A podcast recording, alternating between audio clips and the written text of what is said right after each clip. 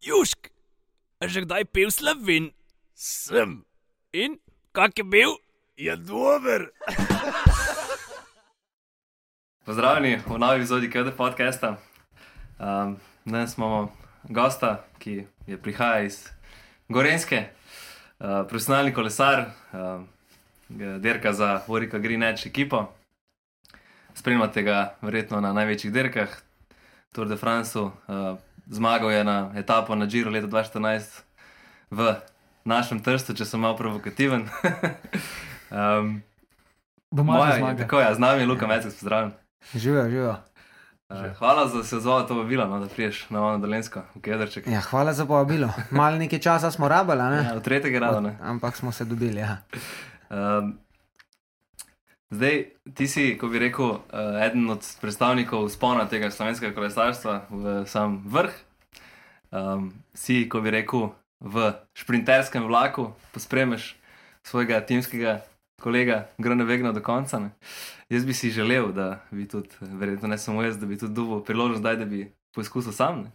Ampak v kolesarstvu verjetno vlada hierarhija.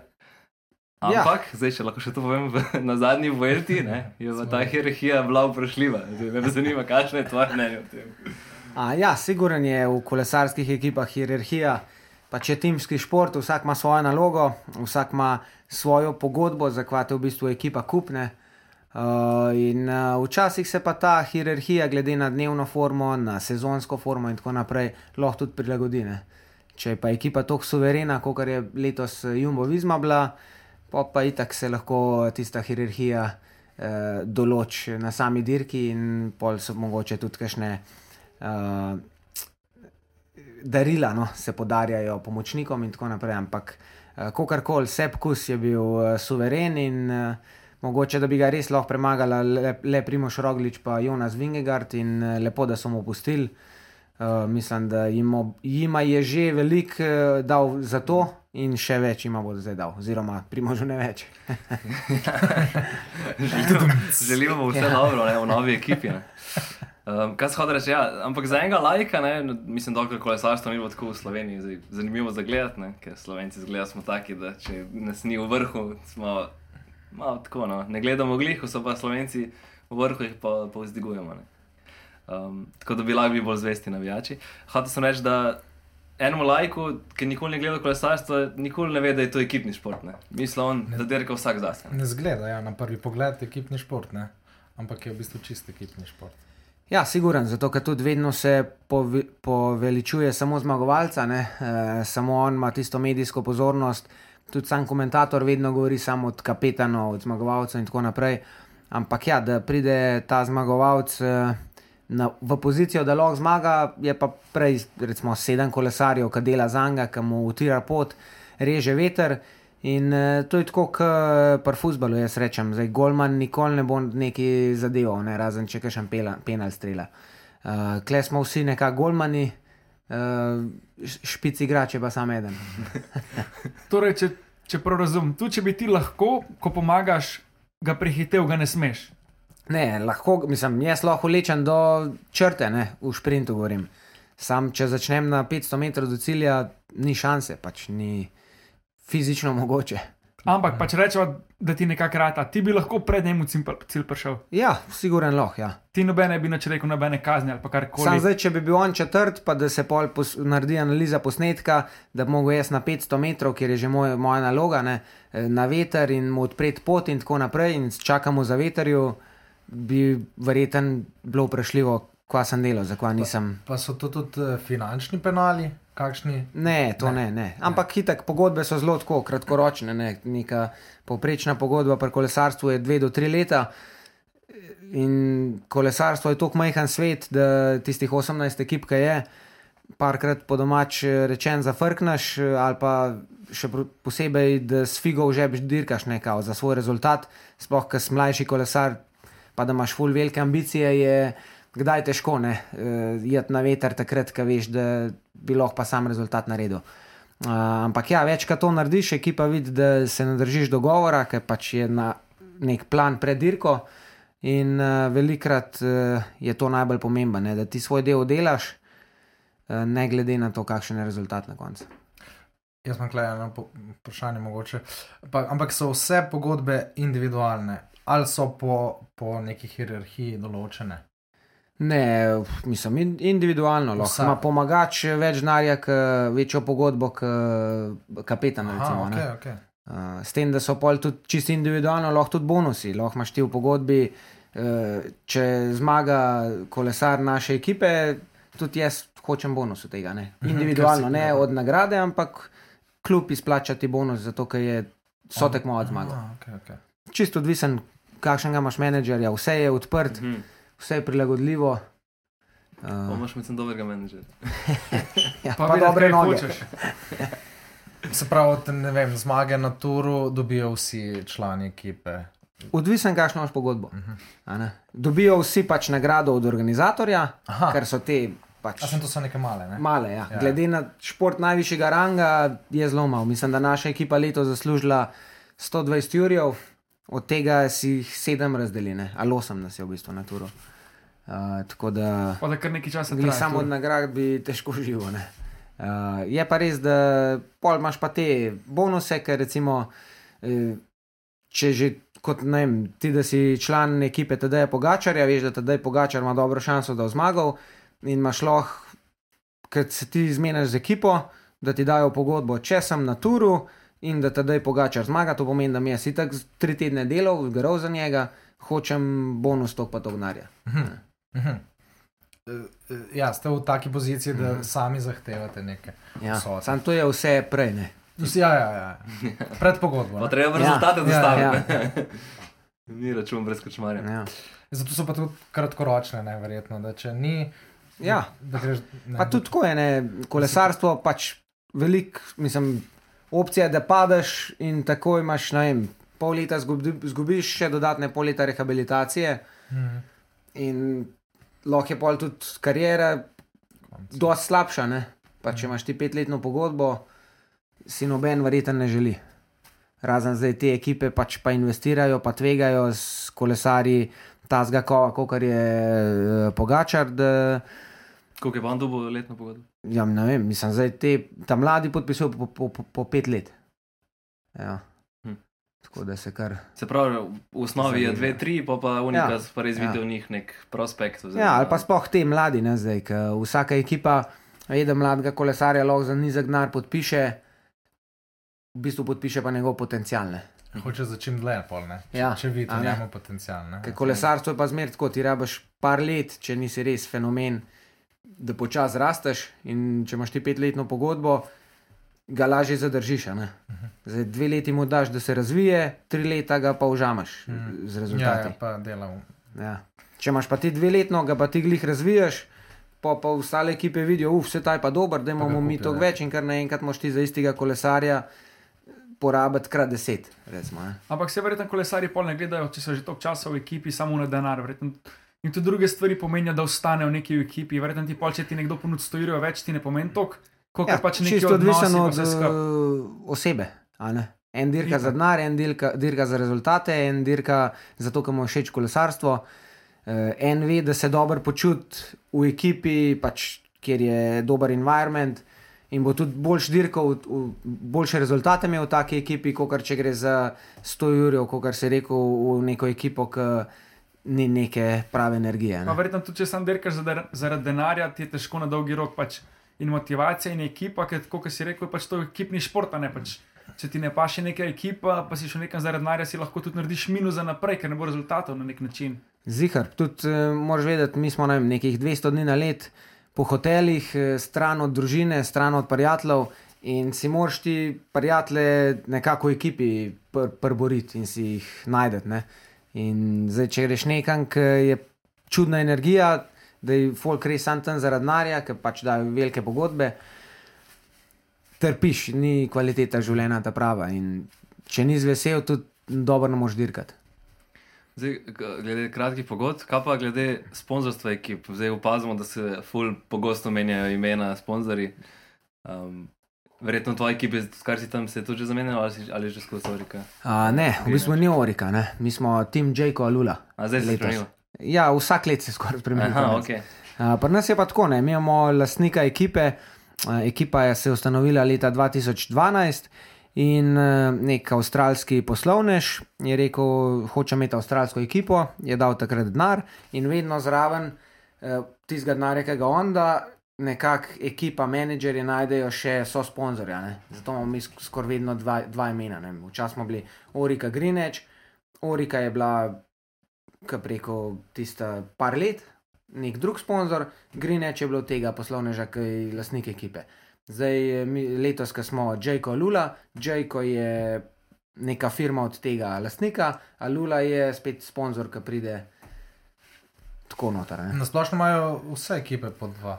Več ali manj, Več ali odvisen. manj, ne. Doskrat je pač ime tudi koles, ki pač Aha, tudi, smo ja. le v kolesarstvu, Ali. Sponzor, ja. dajo to denarja za to, da si naredijo reklamo in uh, itak dajo tudi material. Ja, še strošek je manjši ja, za, za Ja. material. Na katerih kolesih pa dirkate? Giant. Ampak se tudi tako, načeloma, kaj sedem firm, da so vse, da vse firme, mislim, da vsi, vsa, vse ekipe furajo na njih, ali jih je več. Uf, to pa ne vem, koliko je. Koliko je firm, zdaj 18 ekip je, mislim, da jih je več kot razlik. 7. No, jih je več. ja. Ampak ni pa tako, da ima vsak svojo, Ne, ni. ker nekaj se podvaja. Siguran, ja, da ima, recimo, ja, so po dva. Se, pa se ful pozna razlika v kvaliteti. Moram reči, da se. Pa se. Naprimer, Se pozna, če si na takem nivoju, ne, da Ja, ja, ja. ja. ti Ja, dirkaš da ti- ja, 200 km, na koncu imaš sprint po 200 km in je pet kolesarjev v dveh metrih. Mhm. Zdaj se pozna tam Vse. marsikaj. ne. Mhm. Ampak o čem se pozna, kaj v okvirih, ker načeloma vse sa oprema je pač od tretjih podjetij, pa se načeloma Ja, ja, oprema- sam, pa Šimano in to je to. To je že, kar se tiče menjalnikov, pa tega, to mislim, da ni tok. Ajde, zdaj spet eni bi rekli, ja, pa tam ima več trenja, kauna, ttt, ne, vse je pol merjeno v milimetre. Ampak uh, pozna se zdaj aerodinamika, togost okvirja, teža okvirja, Torej, okvir tisto, kar največ doprinese ali povzame. kombinacija okvirja, pravim menjalnikom. uh, balance, zičtange uh, in pa felten. In zdaj zadnje čase vidim trend, ki je v bistvu nekako naši, tek se ukvarjajo z, z opremo, pravijo, da je to najbolj pomembno. Da ni pomembno, da imaš ti najboljšo feltno samo po sebi, ampak je pomembno, da imaš ti najboljšo feltno, ki gre v komplet s okvirjem. In eh, zadnja leta tiste firme, eh, ki proizvajajo kolesa, so začele zraven pro- proizvajati še feltne. Da gre to vse v kompletu in je tak komplet iz iste firme nekako vedno boljši, kot se meni zdi, saj tako pravijo naši, ne, ti, ki se s tem ukvarjajo. Če ti kupaš najboljši okvir, ki pravijo, da je najboljši po testih, pa najboljše feltne, ki spet pravijo, da so najboljši po testih. Če daš to skup, ni nujen, da je boljši kot en drug kolo, ki ima zraven še feltne, ne, pa ki ni po testih kao najboljši. To je tako, kot pa avtih, ki testirajo ne, s njihovim vzmetenjem, pač oni so zato testirali, zato si prilagodili vozilo, vse skupaj. Ja, ja, ja, pač to je enota. Ne. Kaj pa zdaj, če primerjamo opremo, ko si ti začel kolesariti, pa dan danes, kakšna je to razlika, ali recimo tudi, koliko koliko je teža padla? Uh, ja, teža ni padla, zato ker v bistvu teža je večja. Včasih smo bili mi na rimbrejkih, se pravi na navadnih zavorah, uh, zdaj smo na diskih zadnjih pet let in diski so še zmeraj težji kot navadne zavore. Uh, pol zdaj elektrika, ne, električne prestave, rabiš baterijo, je spet malo težji kot včasih, ker je bilo to vse analogno. In teža nekako se mi zdi, da se je mogoče za 100-200 gramov povečala, ampak še zmeraj tisti, ki so na limitih, vemo, v kolesarstvu obstaja pravilo 6,8 kg, pod tem jeti, ne, zaradi varnosti. Se pravi, le, res da so materiali boljši in vse to, ampak eh, 6,8 je limit in recimo naša kolesa so tam. Eh, Klančari, hribolasci, ki morajo res na težo gledati, eh, pa mogoče nimajo tudi toliko aerokoles, raj se pač s težo ukvarjajo, kot z aerodinamiko, imajo 6,8, mi šprinterji imamo tam 7,1 na školo. No, to Sam je pa ja, visoke feltne, pač vse je prilagojeno za hitrost. kakšne so razlike med Ja. kolesom šprinterja in Ja. hribolasca? Feltne, v bistvu, pa zdaj eni proizvajalci imajo tudi različne okvirje, imaš pač lažji okvir, uh, ki ni tako aerodinamičen, so bolj okrogle cevi, če se po domači izrazim. Uh, pa imaš pa aerokolo, ki je pa vs, pač večja masa, ve, bolj aero, ne, bolj več materijala je na ok- samem okvirju. Pa tudi bolj togi so, zato ker mi najmo v sprintih. imamo 1600-1800 vatov in to more držati, ne more biti fiksno. En klančar s 60 kg pa obrne tam, Jurija 200 vatov, max. Ne. Kaj pa razlika pol v električnem menjalniku pa navadnem? Zakaj pač to bolj, da imate vi, kot pa navadnega? Se z navadnih skoraj ne vem, če še obstajajo. Mislim, na teh nizkocenovnih kolesih imaš še zajlo. Ne. Ampak zakaj bi bilo pol bolj električen, če je težji od navadnega? Zato, ker gre industrija naprej in uh, v bistvu problem je bil včas pri zajlah. Uh, če si vozil vem, v dežju, pa je bil dosta umazana cesta in to se ti zajla hitro zapacala. Ne? In zajla, če ni tekla tako, kot je mogla, ti doskrat mal ni bilo čist menjalnik poravnan z kaseto, z zubnikom, ker zajla ni spustila. Ne? Ja. In eh, kled tega ni problema, je pač menjalnik svoja enota, prek štroma pride ukaz, kam se mora premakniti in to je to. To Pa je, se- ampak pač načeloma tako, kot sem razmišljal, če, si ti, če ti kupaš kolo za sebe. Je bolj, da imaš z električnim menjalnikom, ki ne rabiš, pač zajle za tek vod gor dol, se sam kalibrira. Ja. Ampak če imaš pa tako na tekmi, pa če je ti slažje, bilo pa skoraj bolj glede na to, da ti po vsaki tekmi vrtem kolo rašraufajo, pa zrihtajo, pa pripravijo za naslednjo, če bi prišparil na teži. ja, mogoče, ja, v bistvu. Ali je Sam- to bolj trend, da je na Ni, se mi zdi, ni to problem teža. No, ker se pravi, oni, ki hočejo na klance, imajo še, žme- še zmer 6-8. Pod 6-8 pač Ne ne, moreš. Tako ne smeš iti. Ja. Kaj pa, In- zakaj so pa naprimer diski, eh, zdaj, čeprav so teži, mislim, se z unimi, Diski so pa veliko boljši. Sem, zakaj? K- Mislim, ta razlika me zanima. Pač ve, veliko večja varnost, veliko večja modulacija pri samozaviranju, uh, več imaš kontrole. Uh, tudi včasih, recimo pri, pri navadnih bremzih, uh, se ti, ti, ki se ti kolo vrti, ne vrti na količina. In če si ti gor bremzal, če so orang stisnil, pač nisi mogel ful zavijati več v vinkih. Klekaj v centru bremzaš, še zmeraj imaš ti ročico drge, mm. kjer lahko zavijaš. Iz tega vidika je bolj varna. Uh, največjo razliko pa jaz vidim, uh, je pa včasih, sem jaz začel dirkati profesionalno, se pravi 2013, se spomnim na res vročih etapah, če smo imeli strme spuste in da smo mogli res zavirati tako konstantno, ne, da, ni bilo, da so bili uvinki taki, da smo mogli biti res kos na brenzi. In takrat se je uh, obroč tok segrel, da so tudi gume pokale. In sem videl pred sabo vsaj dva v življenju, ki sta padla, ki jim je guma usekala zaradi bremz. Tako da diski in, in vedno jaz nimam tako nekega strahu kot šprinter pred hitrostjo in to, ampak eh, zdaj imam, odkar sem na diskih, nimam pomislekov več, ker grem 100 na uro proti vinku in zadnji trenutek začnem brenzati, Da ne bo da bi prijel. kaj pregreval in da bo kaj eksplodiral. Zdaj pač vem, disk je, zdaj ole, če ven steku, imam še zmer eno bremzo za rezervo, ne, sam da mi guma ne crkne. Kako se pa kaj kvarijo uh, te stvari, recimo menjalniki? Ma zelo malo, jaz vem, eno okvaro mogoče v, v 11 letih Aha, okay. proje, da, da, da sem mogel na dirki, ne, kaj pa na treningih nazaj, pa ke- tako? tudi ne. Ne. ne. Pa to redno menjajo. Pač, če, edini problem je, če baterijo pozabiš na šnafilat. ne. Kar A vi- se zgodi, Aha. ker eh, saj pri naši upremi Šimano, meni drži baterije nekih 2-3 tisoč km. In to naredim, ne vem, enkrat na pol leta na trening kolesu menjam. ne. Mislim, jo moram nafilati, ne Mhm. zamenjati. In Pa- pol je to tako mal, ko se ti na pol leta zgodi, vsakič ne pregledujem, je še baterije, se je doskrat ustavil. In pa, Brez. če zmanjka, nič ne moreš. Na, na Šimano je tako narejen, da v bistvu ti najprej ta spreden menjalnik crkne, tako da imaš še zmeraj zadnji, da do doma priješ. Aha. Uh, tako da ja. Načeloma, kad crkne, moraš, ne moreš klih še pet ur voziti. Ok, pa imam pa jaz tle še vprašanje. Kako je velika ekipa, recimo ene protur ekipe? Eh, ja, Uh, Pri nas je, mislim, da je 100 vse to. skupaj. Tu je pač kot neka ferma. Ja. Ne, ki... Uh, mi imamo tudi žensko ekipo, jih je, mislim, da 12 tekmovalk, se pravi, klep potegne še nekih 10-15 stafa. Uh, ampak načeloma, ja, naša ekipa je 30 kolesarjev, pol je pa ostalega stafa, pač mehanikov, maserjev. Mislim, da imamo vem, zih med 10 in 12 uh, maserjev, in, uh, ali pa več, mogoče 15 maserjev, pa 10 mehanikov. Uh, pol je pf, 8 športnih direktorjev, 4 doktori, 2 nutricionista, uh, 6 trenerjev. In to je približno pr, pr vseh enako. ali? približen. Ja. Mislim, da je okoli 100. No. In vsi te hodijo z vami na. Ne, ne, ne. E, ti imaš doskrat, ker pač eh, program dirk je tako. Ena dirka je istočasno v Belgiji, ena je v Španiji, Ja, ja. yeah. ena je v Aziji. In pridejo dnevi oziroma termini, ki se trije programi usporedno prekrivajo. Ne? In takrat rabiš tri ekipe poslati na različne dirke. Uh, zdaj v času tura, recimo, ki je največ mirnosti, ki je pač sam tur, mislim, da je aj spokašna dirka. ne vem.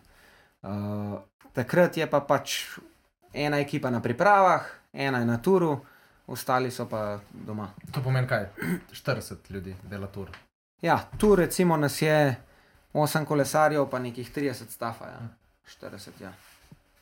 In eh, to imaš pol, eh, ne vem, avtobus, dva tovornaka, avtodom. In tudi šoferji so zdravi. Ja, šoferji so ponovadi eh, mehaniki, recimo tovornak tudi voz, Aha, aha. uh, avtobus je svoj šofer, uh, avte raz, razvažati morajo pač maserji, pa športni direktori. Uh, tako da ja, je Mhm. res So vsi pa lupeti. nekih deset eh, avtov na ekipo ne, na, na turu in to je treba od hotela do hotela spravljati en mesec. Po celi Franciji. Zdaj, če smo že bili pri ekipi, pa turu, mene zanima, recimo, kako izgleda tvo, mislim, en dan v tvoji ekipi skozi na turu, recimo, ene etape. Če, Uh, če greš ja. čez dan na hitro. V bistvu je zelo uh, taka rutina in dan, full hiter mine. Vstanemo ponovadi tam ob 8, pol 9, zajtrk je nekje od pol 9 do 9, odvisen, koliko smo daleč od starta. Kaj se pa je? Uh, ja, spet odvisen, kuhar, to je še kuhari, so, ne? mi imamo, mislim, da štiri kuharje v ekipi. Uh, odvisen, kva so tvoje želje, ampak kuhar po nutricionistovih navodilih uh, naredi porič, se pravi, poslovenc, ne vem, sploh kako se Vse na kašo. Ja, ovsene, kosmiče, kuhane. Ne. Uh, pol naredi različne sadje, ne vem, jagode, uh, borovnice, imam angliške izraze v glavu. Uh, kruh vedno speče, da je posebej. Uh, imamo tudi salamo, sir, ima to na in če kdo je. Uh, palačinke doskrat naredi, pač hidrate, hidrate. Riž, uh, pašta za tiste, ki hočejo, jaz recimo nikoli ne in to za zajtrk. A že za zajtrk je pa Ja, pašta. ja. Pa to kuhajo na. To sploh na teh daljših, eh, na daljših uh, etapah, ne vem, 220 km, plus, se dosti folka odloči za pašto zjutraj. Ne, vem. Ja, če kuhajo na avtobusu, uh, ne, je pa food truck. Aha, je pa v bistvu, posebej. ja, k, kuhno sabo. ja. Dolenski prevod kuhno slabo. Ja, se je kuhno. Ja.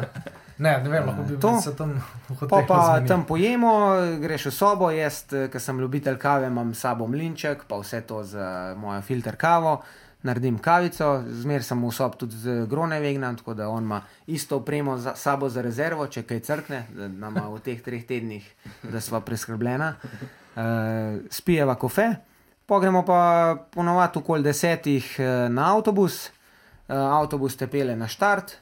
Uh, zdaj spet odvisen, kdaj je 10 minut do štarta, kdaj pa eno uro, pa pol ali pa dve ure. Pa, ne takrat je pol vse mal prej premaknen. Uh, se pravi, med vožnjo je ponovadi res sproščeno, muska, slušalke, niti tam, če si spredi, jaz sem ponovadi zadnji v avtobusu, ker je tako neka loža narejena, da lahko ležim. Uh, sem brkane z musko ali pa s tismo, ki je tam zraven, spredi se kašni zgovarjajo, kašni so tih, kašni knjige berejo. Kaj pa je tvoj pri, pri game oziroma pri uh, song?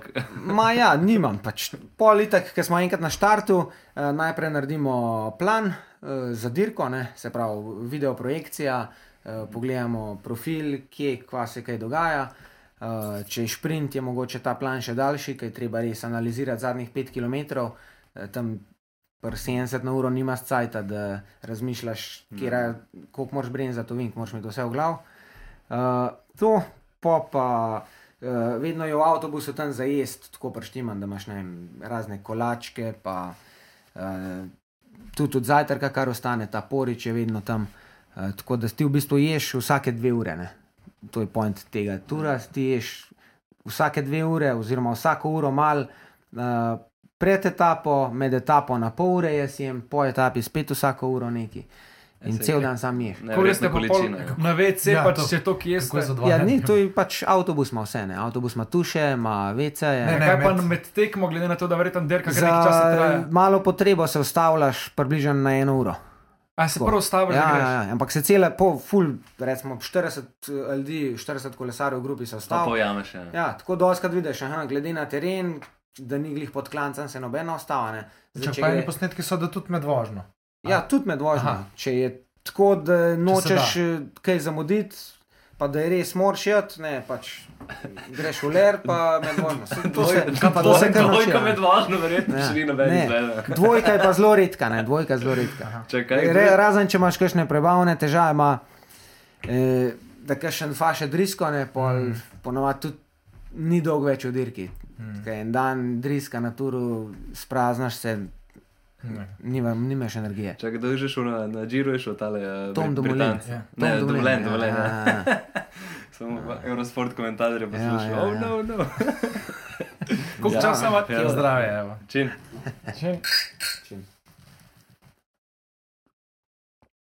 Koliko časa je pa pol ogrevanje pred štartom? Ni ogrevanja, Ni. Zato ker je 200 se km dolga. Greješ. Dober, imaš, uh, zdaj, če je uphill start, se pravi, da je takoj uh, klanc, postavijo trenažerje in uh, ko kar reče, je res težko, da jaz vem, pa to, kar zmatra, res raš malo ogrevanja. Uh, grem ponovadi tudi za 10 minut na trenažer, sam res redko. Letos nisem šel nikoli. Ma zmer je ponovadi vsaj 2-3 km zaprte vožnje, tako da že tam vsaj malo kar vidiš v noge. Pol praktično nič. Tako, kot priješ z avtobusa, oblečeš se gasa. Ja, Imaš pa pol uhlajanje, kaj, pol urce. nič. Po tekmi nič. Eni Redko grejo kdo, na- eni grejo, recimo oni klančari, ne, ki grejo na vso moč na klanc, pač sprintati zakisleni, se res razpeljejo, mislim, da je njih 10 minut, to je pa maks. Ha, pol ni nič prej, ali pa pol Ne, načeloma. zato ker je pač 5 ur sti na kolesu že tako in škoda energije porablja, če prej pa pol za to. Pol v bistvu z masažo rešijo tisto, kar bi lahko. Ja, tudi pač masaža je del re- recoveryja, ni pa ne, ne pomeni, da boš ti zaradi masaže boljši naslednji dan. Doskrat jaz, če vem tako, da je bila lahka etapa, ne grem niti na masažo, srečen, dober, danes sem si noge malo aktiviral, jutri lahko dober dirkam. Ne. Da imaš tonus, ne vem. Ampak Kakšna je lahka etapa? Sprav, da je klanc, pa Ravninski. greste vi počas. Ali... Za me recimo je najlažja etapa, da je cel dan ravnina, pa na koncu Klanc, 10 aha. km klanca. Kapoj do klanca eh, Lagano. je grita klagano. Aha, aha. Eh, Pod klancem pomagam našemu hribolascu, da zač, začne spredi, to je ne vem, 5 km stresa, pogrem pa 10 km počas. Za moj tempo, ker vem, da lahko zgubim vem, 35 minut in In imate, mislim, je cela skupina taka in greste skupaj, ali ne? ko kar kdaj. Kdaj so res skupine tako velike, pogovorno, kdaj imaš pa, kakšni se bojijo rampe in ga kar tišijo vsak po svoje. Ma, načeloma smo nekako složni, vsaj 30 kolesarjev zadaj, da vemo, da nam. Tako da, ja, Kaj pa razmišljaš, kad ti, na primer, 3-4 ure po ravnini tereš? Kaj se ti v glavu Ja, dogaja? takrat, Verjetno kadar, nisi tih. ne, kadar je eh, tak, dost eh, lahek tempo. Ne, mi, v kolesarstvu, tako, kadar gre po ravnin, grupa 50 na uro in si ti v grupi noter, imaš 100 pulza. Vsak misli, da vsak, ne vem, priješ kot kolesar, se usedeš na kolo in 5 ur v nezavesti šiš.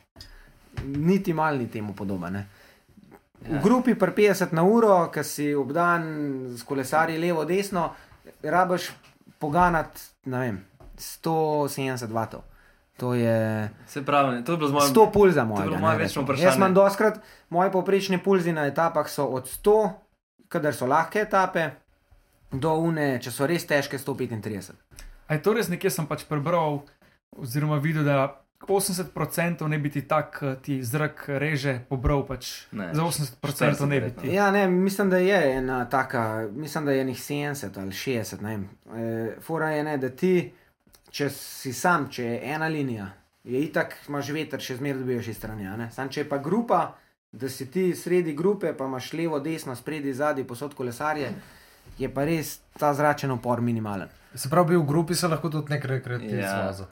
Lahko sam ne bi štarta zdržal, ker štart je pa hiter. A, Dokler gre beg, doskrat je tako, pred, pred teh turih, pa teh treh tedenskih dirkah se točno ve.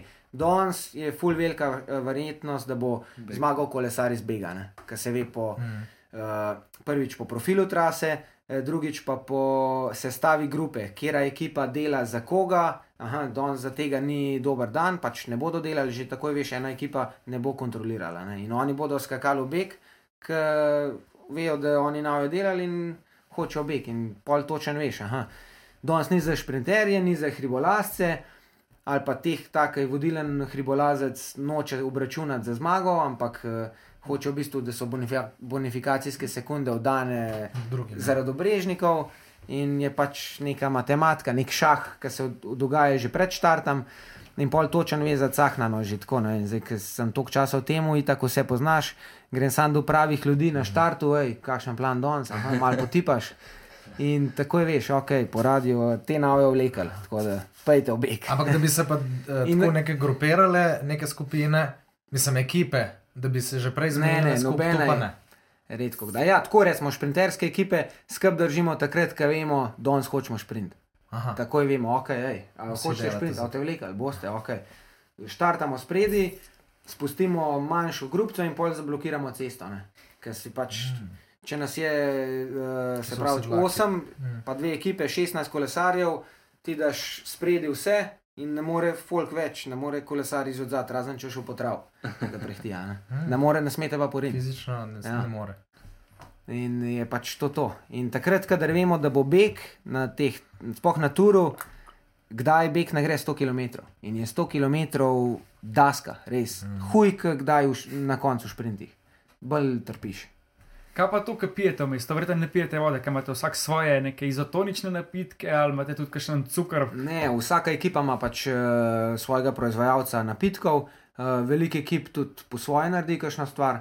Uh, ma načeloma imamo označen uh, tri, štiri različne bidone, imaš vodo, imaš 30 gramski hidraten napitek, se pravi 30 gramov oglikovih hidratov, pa imaš 80 gramski, ta je, mi rečemo, big carbo, pa imaš pa še izo, je pa v bistvu uh, brez hidratov, samo elektroliti. Tako da te štiri imaš opcija in kadar greš, recimo, zad, ki gre en v avto po te napitke, ti poveš, kva boš ne. Un športni direktor vpraša naročila, vem, Big Carp, Formeza. Aha, in ti, in ti, Zame, in on ti že zame, veš. ki gre skat, zame in mi prenese kar. Sem v tistih vrečkah dobijo. Ne, Mislim- vrečke, to si daš kle v, v noč. Za- Ampak niso na turu, da Tudi so kot nekih vrečke. Te vrečk. vrečke so pa na ficonah, ne, imaš Aha. pa eno ali pa dve cone, odvisno od uh, dolžine etape, ki je ponovadi, eh, če je 200 km, je približno na 100 km ta ficona. In to je pa označena ficona od organizatorja. Ne? In je večinoma zmer, vse ekipe so tam z vrečkam, tam imaš pa noter hrano, dva bidona, led, gele.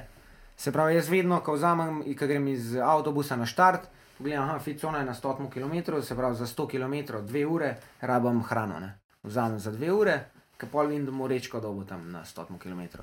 Pa so raj to naredili, kot ven z avta, ker tam se ponaša kakšna roka zalepi. Ja, čeprav, a ne doskrat ti vrečko zgrešiš, kaj kakšen stres, kakšen veter, prehiter gremo, kdaj oni so vsi maseri so na teh conah, eh, držijo vrečke, mi gremo mem 60 na uro. Sam gledaš, ja. Bil vzel, da moram. Uh, tako da ja, takrat je pa pol iz avta, ne.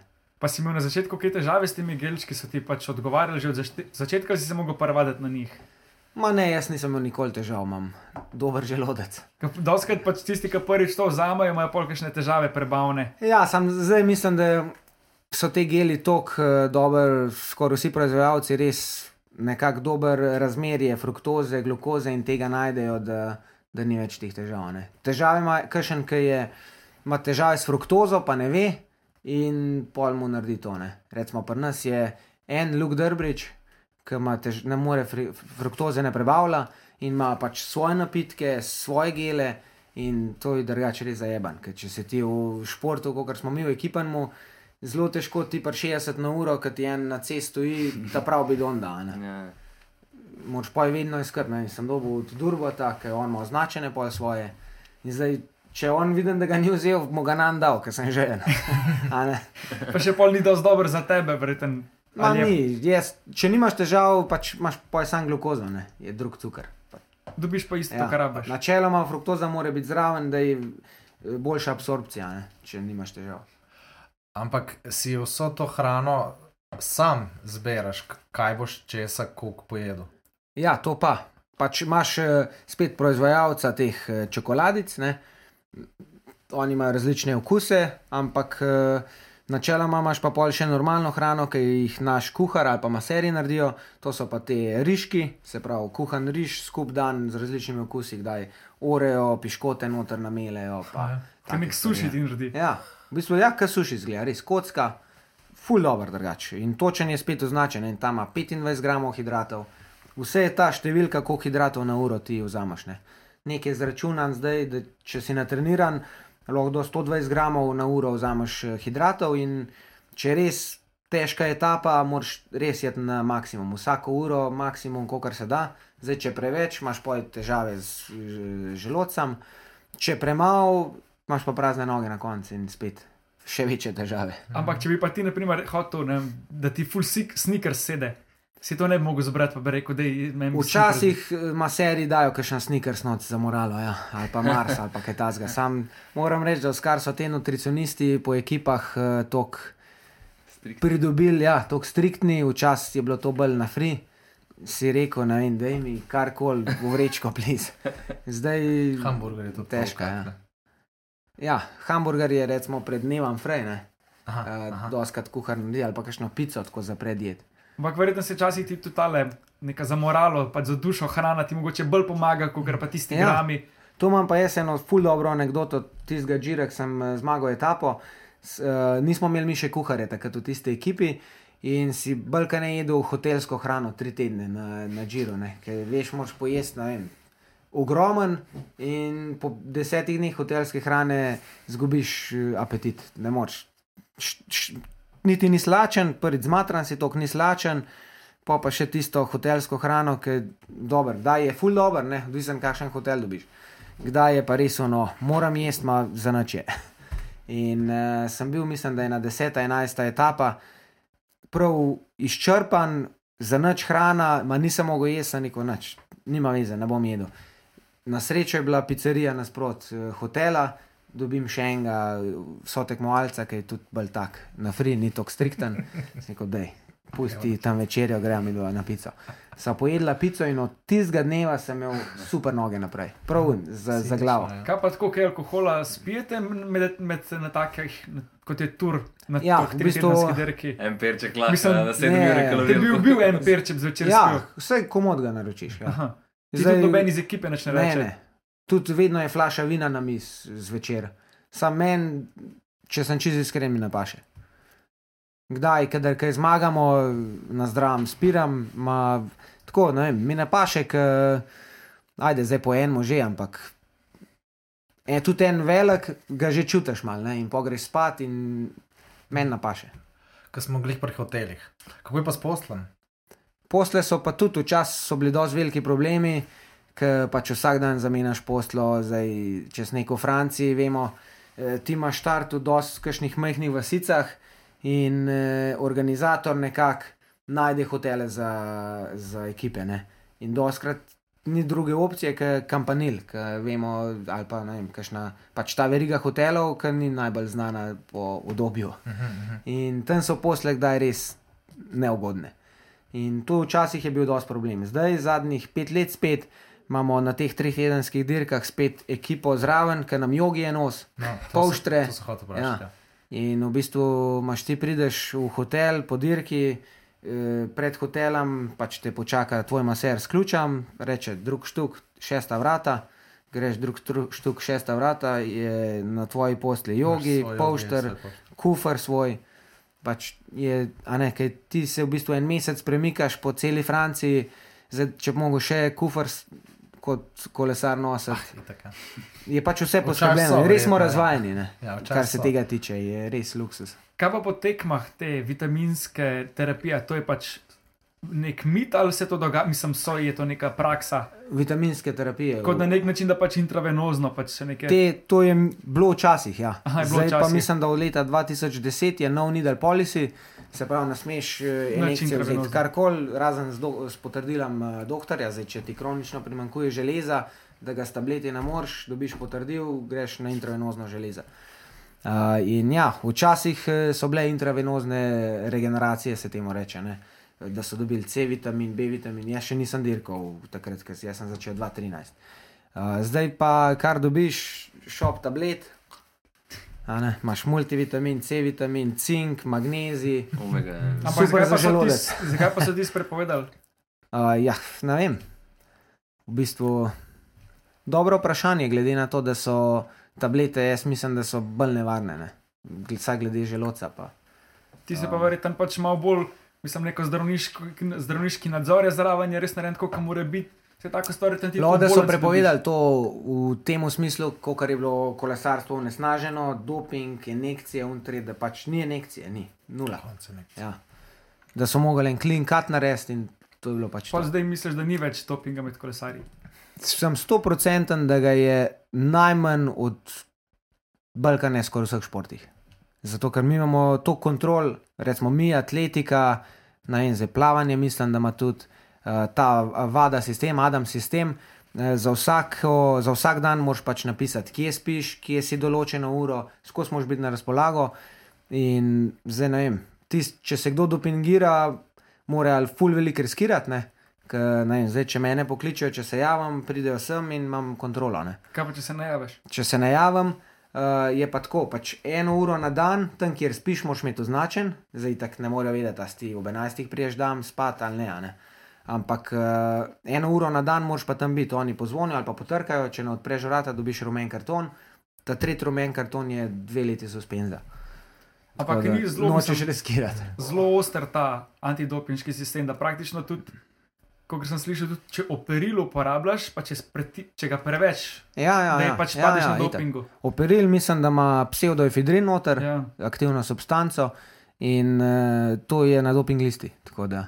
Če si prehlajen, ne smeš, mislim, bolj da smrkaš, Mislim, ne, pač vse imaš tudi druge stvari, ne, ni samo peril. Je, kadar ima zamašen nos, imamo kakšne druge stvari, ki tudi prenos, ker niso na listi. Eterično- Samo vsake stvari, moraš, jaz vsako stvar, kadar kupam v lekarni, pač če imam kakšno težavo, ne vem, ušesa, da me bolijo, grem v lekarno za ušesa, ušes me boli. Mi da, poslikam, pošljem doktorju, povej, aloha ne.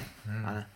Tako da vedno moraš imeti, eh, da si kolesar. Da, Kaj pa zdaj, glede na to, si rekel, da je zdaj kolesarstvo na- najbolj čisto, kar je bilo verjetno za zdaj. Kakšni so pa zdaj te časi na klance v primerjavi s časom, ko je bil, vem, Armstrong, eh, Pantani, kdaj, kakšni so časi? Ja, eh, časi So boljše. v bistvu, ja, kakor kdaj, ne. na enih so boljši, na enih ne. Sam moramo kle vedeti. V času uh, Armstronga je bil drug material, uh, drugi ležaji, drugo trenje, vse to ne. Uh, togo z kolesa neprimenljiva, gume so imele tako talen upor. Plus tega danes imaš ti nove ceste, veliko teh prelazov ima nove ceste, ki je spet manjši, manjšo trenje, manjši upor, vse to. Uh, največja sprememba je pa v času Armstronga, mogoče Armstrong začetnik nekega specifičnega treniranja, ampak danes pa vsak, imaš ti nutricionista, toliko gramov moraš zjutraj pojesti, toliko gramov moraš po treningu pojesti, pač to včasih niso delali. Ne? In zdaj s takim načinom, full ti lahko performance dvigneš, ne? včasih so ga pa dvignili z, injekcijo. Ja, kako je pa v prostem času, lahko ješ karkoli, ali tudi imaš vse določeno? Odvisen kdo. Jaz, recimo, nikoli nimam določen. Jaz uh -huh. pač delam po feelingu, sem že toliko časa kolesar, da točno ne vem, koliko približno lahko pojem. Uh, Veliko naših si vaga eh, na treh tedenskih dirkah, zato da prvič, da dosje, drugič pa da ne ješ preveč. Ker tudi to se velikokrat zgodi. Pač veliko kolesarjev se zredi na treh tedenskih, ne? ker nobena Mhm. verjame. Ampak ti si tam, ker cel dan sam premišljuješ, da boš jedel, zato da nauš da so na filo, da naš drug dan uh, te zmanjkali. ne. pa In v strahu tega velikrat preveč ješ, ker pač ješ vsako uro. Pa vsak, vse, kar ješ, ima veliko hidratov. Ja, vse, Saj samo hidrati so. Hidrati, proteini, maščob je full malo v času tura. No. Tako kot si rekel, ti, da nimaš problemov s tem, da lahko ješ kar češ. Ponati glih tako, da tisti, ki lahko je karkoli, nima problemov, zaradi tega, ker ima že prej razčiščen. Mhm. Pa sam pa sebi, da pač ne, ne krajvaš skozi to, neke ja, ja, neumnosti. To, ja, ja. In pač li zaradi tega lahko ješ, ker pač Ja, ja, ja. imaš pošlihtan to. Ja, in hočem reči. Ja, in recimo te, ki vagajo, ne, pa pol imaš ti začetno težo, končno težo, doskrat več odstopajo, kaj jaz, ki nikoli ne vagam, pa po feelingu jem, aha, jutri imamo dolge etape, težko, madaj bom raj, pol krožnika več pojedel. Ali pa za razliko, ma ja, jutri imamo kronometer, poj pa dan fraj, se pravi, imam zdaj dva dni na izi, zdaj sem dal telesu malo počitek, pa danes mogoče šel malo bolj prazen spat, bom imel boljšo regeneracijo čez noč. Itak imam pol še en dan ekstra za nafilace. Ne. Pač in Se od prav tega, skozi ne. prilagajaš hrano ja. trasi. Ja, nutricionist. Pa doskrat ne gleda, jutri 240 dolga, a je 30 km kronometra. Mhm. Pač on gleda, aha, ti zdaj to pokuru, to pojej. Mm. Imaš pa točno podatke, koliko pokuraš. Ja, pač glede vatmetra, glede srčnega utripa. In to je crka.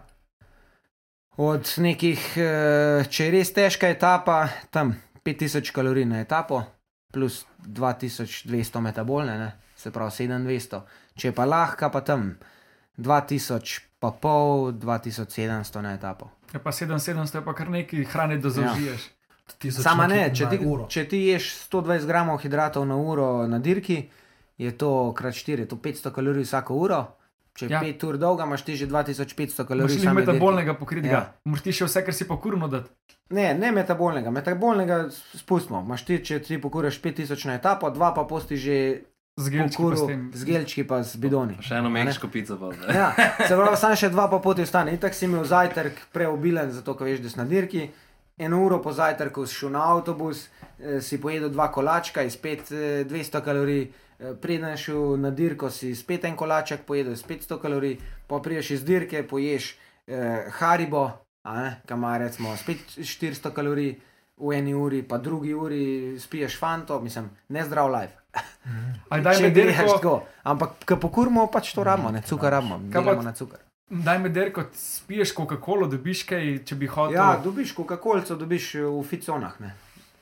Tudi to so zdaj dal ven, naši nutricionisti, ne vem sem Smo enkrat, kdaj jezni. enkrat sem se z enimi kombinatorci pogovarjal, so rekli, da oni si pač doskrat zmešajo pol Coca-Cola Coca pa Red Bull. A, ja. Tako da pač imajo pol tak nek ja, šot. mogoče to zaradi kofeina. Ne. Sam pri nas eh, kofein imaš itak, eh, prvič imaš gele s kofeinom, imaš lahko v gelu od 80 do 160 mg kofeina. To so že vzameš- burneri. Ja, in če vzameš dva gela, je to kdaj lahko 200-300 mg. Ne. Pa vzameš to ob 4, če je ob 6, mislim, če je ob 5 sprint, ka neka ena ura rabiš, da ti kofein nek maksimum učinek do, do, doda. In se pravi, eno uro do cilja jaz to vzamem eh, za sprint, in pol eh, si ob desetih zvečer eh, sova. Ko pa gledaš, da saj 8 ur pol spiš po derki, ali pač nimate. mislim, Ja, smo imeli tudi recimo letos slip doktorja na, na turu, ne. posebna avstralka, ki je v bistvu. Vsak mu pomagala, da zaspal. Mi vsi mislili, kva bo, to pa fal, ne. Še ni tako slabo zgledala.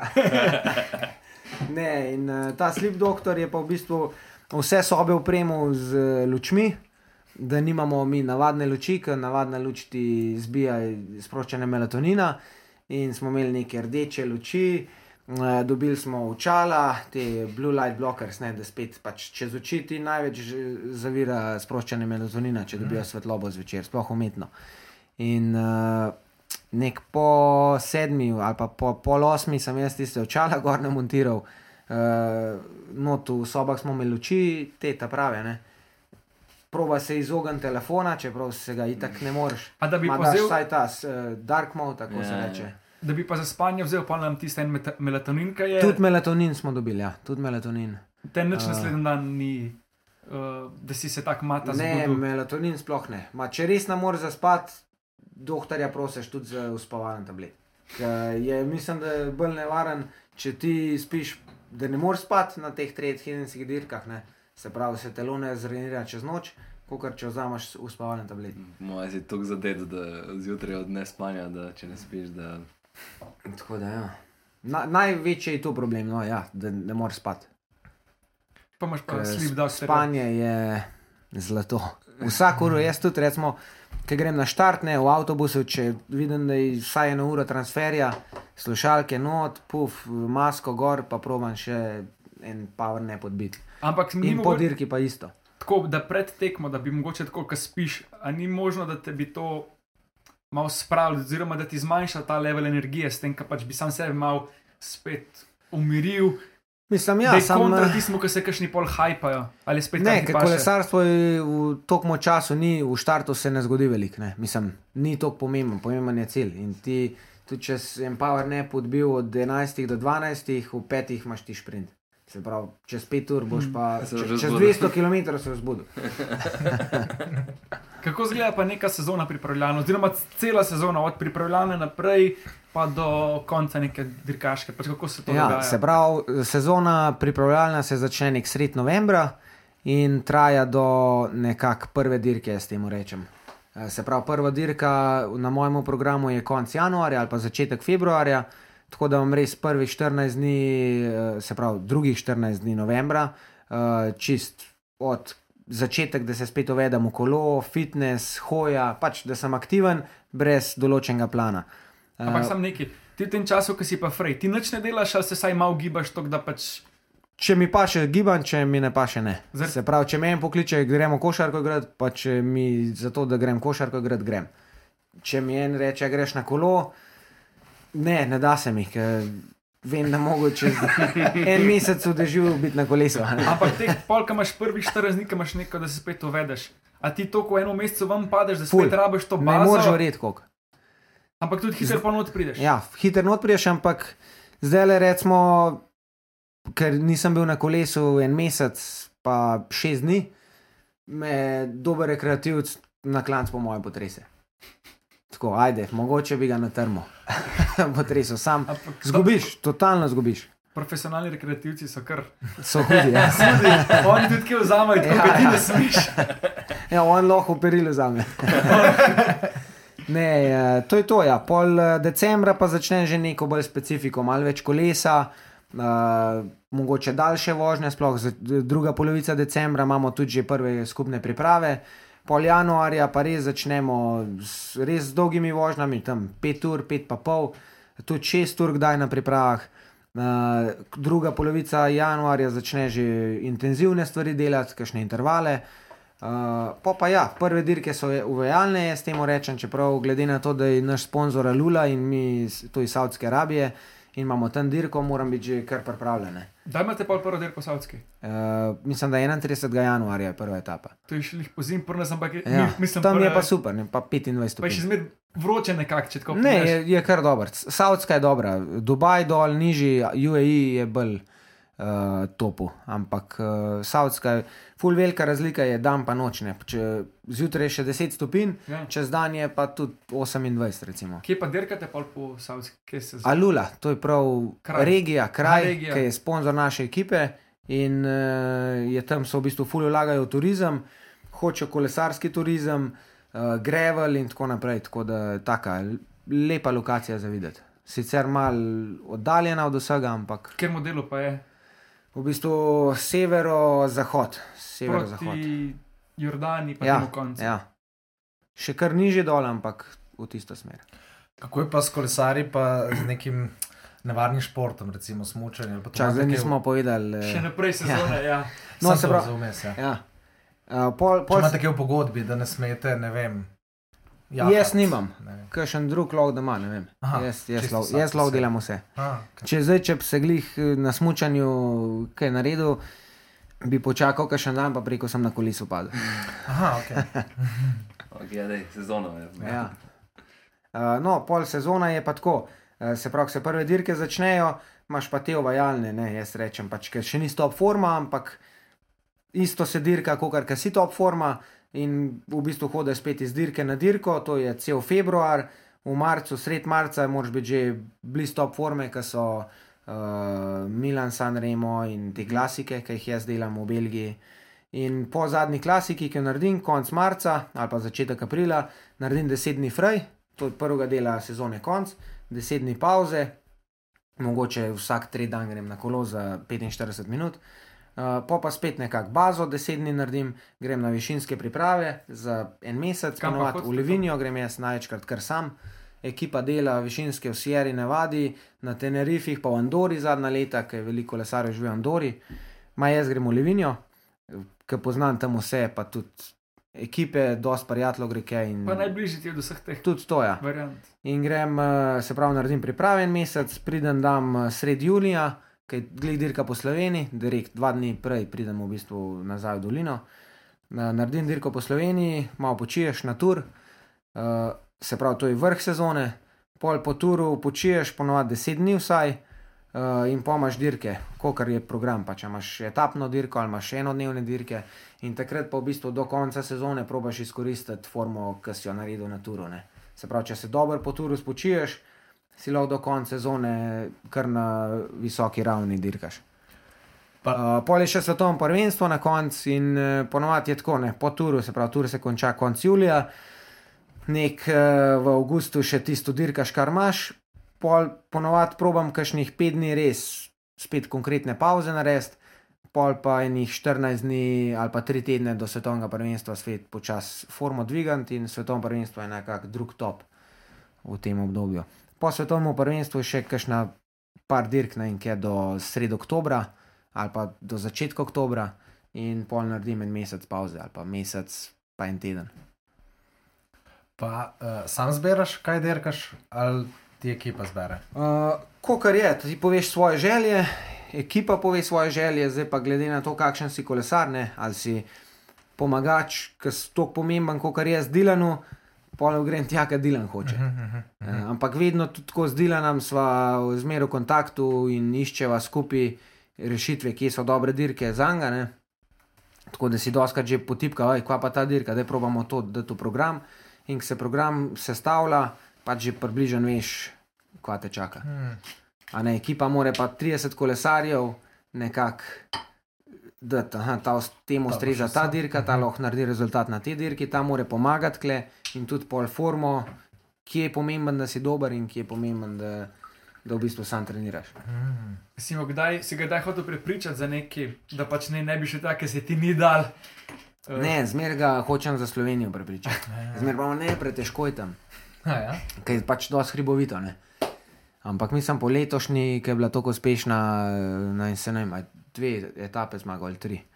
Uh, mislim, da bo še prišel. Da bo vsak let lažje tega Ja. bolj prepričati. Hočem ga prepričati, da ne daje nekih enodnevnih klasik gor po nizozemski, ki je njemu ful dobro, ne? nam pa nobenemu ne. Jaz sem hotel pa še vprašati, le imaš poleg cestnega kolesarstva veliko kolesarjev, greš še ne vem. Na ciklokros, gravel, kako bi to prevedel, makadamčkanje. Ja. Pol kaj še gorsko kolesarstvo, ne vem, ko sta ta Sagan pa Pitcock. Mhm. Zdaj, kaj tu protur ekipa dovoli, da oni to grejo, ali oni sami dobijo dovoljenje, ali kako je to? Verjetno, če bi se tam poškodoval, ne bi bilo zdaj pogodo. Ma ja, te, ki imajo opcijo, da zmagajo svetovna prvenstva, pa svetovne pokale, je dobro tudi za ekipo. Ne? Še največ je pa to dobro za proizvajalca koles. In te največja mena, kot si jih omenil, Sagana in to, imajo doskrat tudi individualne pogoje, eh, pogodbe z proizvajalci koles, se pravi eh, Sagan eh, Specialized. In njim je kul, cool, da gre Sagan Specialized probat zmagati olimpijske igre v mountain bikeu, ki bo zgodba, ne? cesten kolesar kot Matthew Vanderpool ali pa Pitcock, ki pridejo. Uh, tako da tem sigurno pustijo. Ostalim jaz, včasih bil gorski kolesar, 4-5 let sem bil pač uh, vozil svetovne pokale tudi. Uh, gorca se že zmeraj usedem za dušo in za trening. In kadarkoli me zagrab, da grem na dirko, javim mi tako ekipi, da sem razmišljal, da bi šel na en cross country, na en da je slovenski pokal ali pa državno prvenstvo. Ma še nikoli v moji zgodovini niso rekli ne, vedno super, ja, da je itak. Mislim, to, da si už kaj naredil, je, ni velika šansa. No. Je vel, večja šansa, da padeš na, Na ledu, ja. Ne na ledu, na dirki, pač cestni, ki so pač ti množični paci, kot tam si od sebe odvisen. Jaz sem še eno vprašanje, zdaj, ki si jih rekel, teh pacih sem se spomnil na ta padec, ki je v bistvu ženska natura, je bilo to lani, stablo stalo tako ob cesti. A, ja, Ja, zdaj me ja, zanima ja, to. Ja, ja. Ko Omi gledaš, in opi, na tabli pisali. pač to te ljudje, ki pridejo na dirko, to so full neki fenja. Ne? Ampak zakaj ta tunel pol oni delajo, zakaj ne dajo plc športnikom, če si tak fan, mu boš hotel pomagati, pač mu dej prostor. Jaz tega ne štekam, zakaj pol se vsi tako zgrnejo na cesto, pa zapirajo tam, da sploh ne. Ja, dober, Ne ve, dober story je, če tako en vem prileti. Ja. Ne, imaš različne fene, a ne? imaš eh, fene kolesarstva, zato ker vejo, da je dobra žurka tam, da grejo pa žurajo. In pol imaš tudi fene, ki so mogoče full kulturni, sam ki tam en dan ali pa dva dni sred eh, nekega hriba na dva jurja Pije. čakajo nam, nas in jim je dolg čas in začnejo piti. se spremenijo v drugačne fene. Ampak tebe, Ampak, kakorkoli nas, kar se vidi, mislim, kar se misli, da nas fulovira, nas dejansko ne tok. No. aha, ti pomagate, Ker ti veš, tam bodo feni, predtem si moram izboriti pozicijo, tisti, ki dirkajo na spredi. In uh, pol je pa koridor in velikrat ti tudi pomaga, pač, ker ti res energijo da, tako kurijo pot. Mi smo zadnji, kadar so te špaliri, ki so ponovadi bolj na koncu, na gorskih etapah. ne. Ja, ker zaporo lovimo. Uh, imam vedno kurijo pot in komi čakam sam te špalirje. Ampak eh, enkrat letos se mi je zdelo, da je na, na turu, da so pogačali tako v bistvu s tem Mhm. koridorjem. Ja, ja, ja. So ga zasrali. Ja, ja, ja. In pa je bilo Ko meni tako pač, napadati. V bistvu še motorist je bil zraven. Ja, Ja, ma, pač vemo, to je, to, je, to je tradicija, vemo, da je to del kolesarstva in pač se niti, ne, niti se ne pogovarjamo med sabo nikoli od tega. Tako. To so samo zunanje vprašanja zmerne. Nekako kdaj tako zgleda, res, da je na, vem, na 10 centi, v Ja. ono zono zastavo. Ja, se je, se je. Ja, je. Tudi daj doskrat zastava tako, Aha. se zakači za balanco, a vohaš kaj pil. bohaš, pa žar, pa vse to. A imaš kakšno zabavno anegdoto z navijači na Tour de France? Ja, zdaj točen z glave jo ne bi znal povedati. Ma, v bistvu najbolj mi je to, ne, ker pridejo slovenski navijači, moji dobri prijatelji. in Doskrat eh, imam spoh enega bolj šaljivca, ki ve, da bo, mislim, mi pove, da bo tam, sam ne pove, kje je, ne, zdaj pa glej. In pa doskrat tukaj tako oblečen, da ne vem, in pride zraven laufa, un tret, pa ga ne poznam, ne. Po se šele razkrije in tako, kakšne take stvari. Kaj smeš? Ne, spomnil sem se nekaj, kako bi, če bi se jaz tebi skril, če bi ti tako. Bi ti, da bi me prepoznal biti neko tako. Kakšno skupna stvar, ki smo naredili, povedal, bi bil ti čist, what the fuck. Luka, zdaj, eh, ko si končal sezono, si še si odprl nek projekt svoj, odprtje česa. Ja, v bistvu pa gre za odprtje hotela v Škofje Loki. Uh, to smo pa začeli delati približno dve leti nazaj s poslovnimi partnerji, štirje smo, uh, smo dobili v bistvu idejo. Uh, nek prazen zapuščen hotel je bil tam v Loki, kar velik, in smo speljali zdaj v teh dveh letih. Jaz sicer nisem delal, sem sam slike dobil, kako napredujejo. Uh, in ja, in eh, gre bolj kot ne za športen hotel. Uh, itak največ je kolesarstva noter, slik, uh, dresov, koles, čelad, uh, podpisanih slik, ker pač vemo, da imamo mi zelo dobre slovenske kolesarje in se pravimo s tem pohvaliti. Uh, tako da ja, je bilo dva dni nazaj otvoritev in uh, upam, da bo laufal. Je pa 52 sob, tako da kar dosti velika zadeva. Škofje Loka nima nekega tako večjega hotela, tako da ja, se je treba podati še v kakšne druge stvari, zdaj samo jeseni kolesarske kariere. Blizu penzije. Pa Vabljeni vsi, kolesari in ne kolesari. Ja, sigurno bomo naredili kakšno malo več reklame, samo da se zalaufa. Uh, bodo pa razne tudi uh, kolesarske stvari noter, od uh, kolesarskih tur, kakšnih predavanj, uh, večerov in tako naprej. Tako bo Kaj izhodišče je dobro, imaš tam celo dolino. ful lepo, ful in lepo izhodišče, ne samo za cesten kolo, tudi za mountain bike je super, za grevel. Uh, in uh, ja, jaz mislim, da glede na to, da sem z vsemi temi slovenskimi profiji uh, v dobrem stiku, znamo narediti tudi ta hotel kot neko povezavo med navadnimi ljudmi, rekreativci, da pridejo kolesar z nami. Kako se pa imenuje hotel? Hotel Lonca. Ime smo pa dobili, ker je Škofja Loka v 10. stoletju se je v zapisih bila tako imenovana. Aha, okay. Tako da je uh, pač nekako lokalno povezano. lepo. No, če imate še videti kakšno vprašanje, To je to. no, pa bom pa jaz eh, se ti zahvalil za obisk, Jezra. Uh, seveda, z dolenske se ne gre praznih rok, ne. Za. Več krvinčka za v vitrino, za olonco, Super, ja. za obeno večerjo, kosilce. Hvala za povabilo. Uh, je le, uh, veliko uspehov v prihodnji sezoni in vseh preos, preostalih, pa če imam poškodb. če imam poškodb. Evo, to, Pa da, pa da. Slovenija še naprej, uh, ko bi rekel, kruji vrh, Ja. ja. svetovnega kolesarstva. Zraje. Super, Čim. hvala.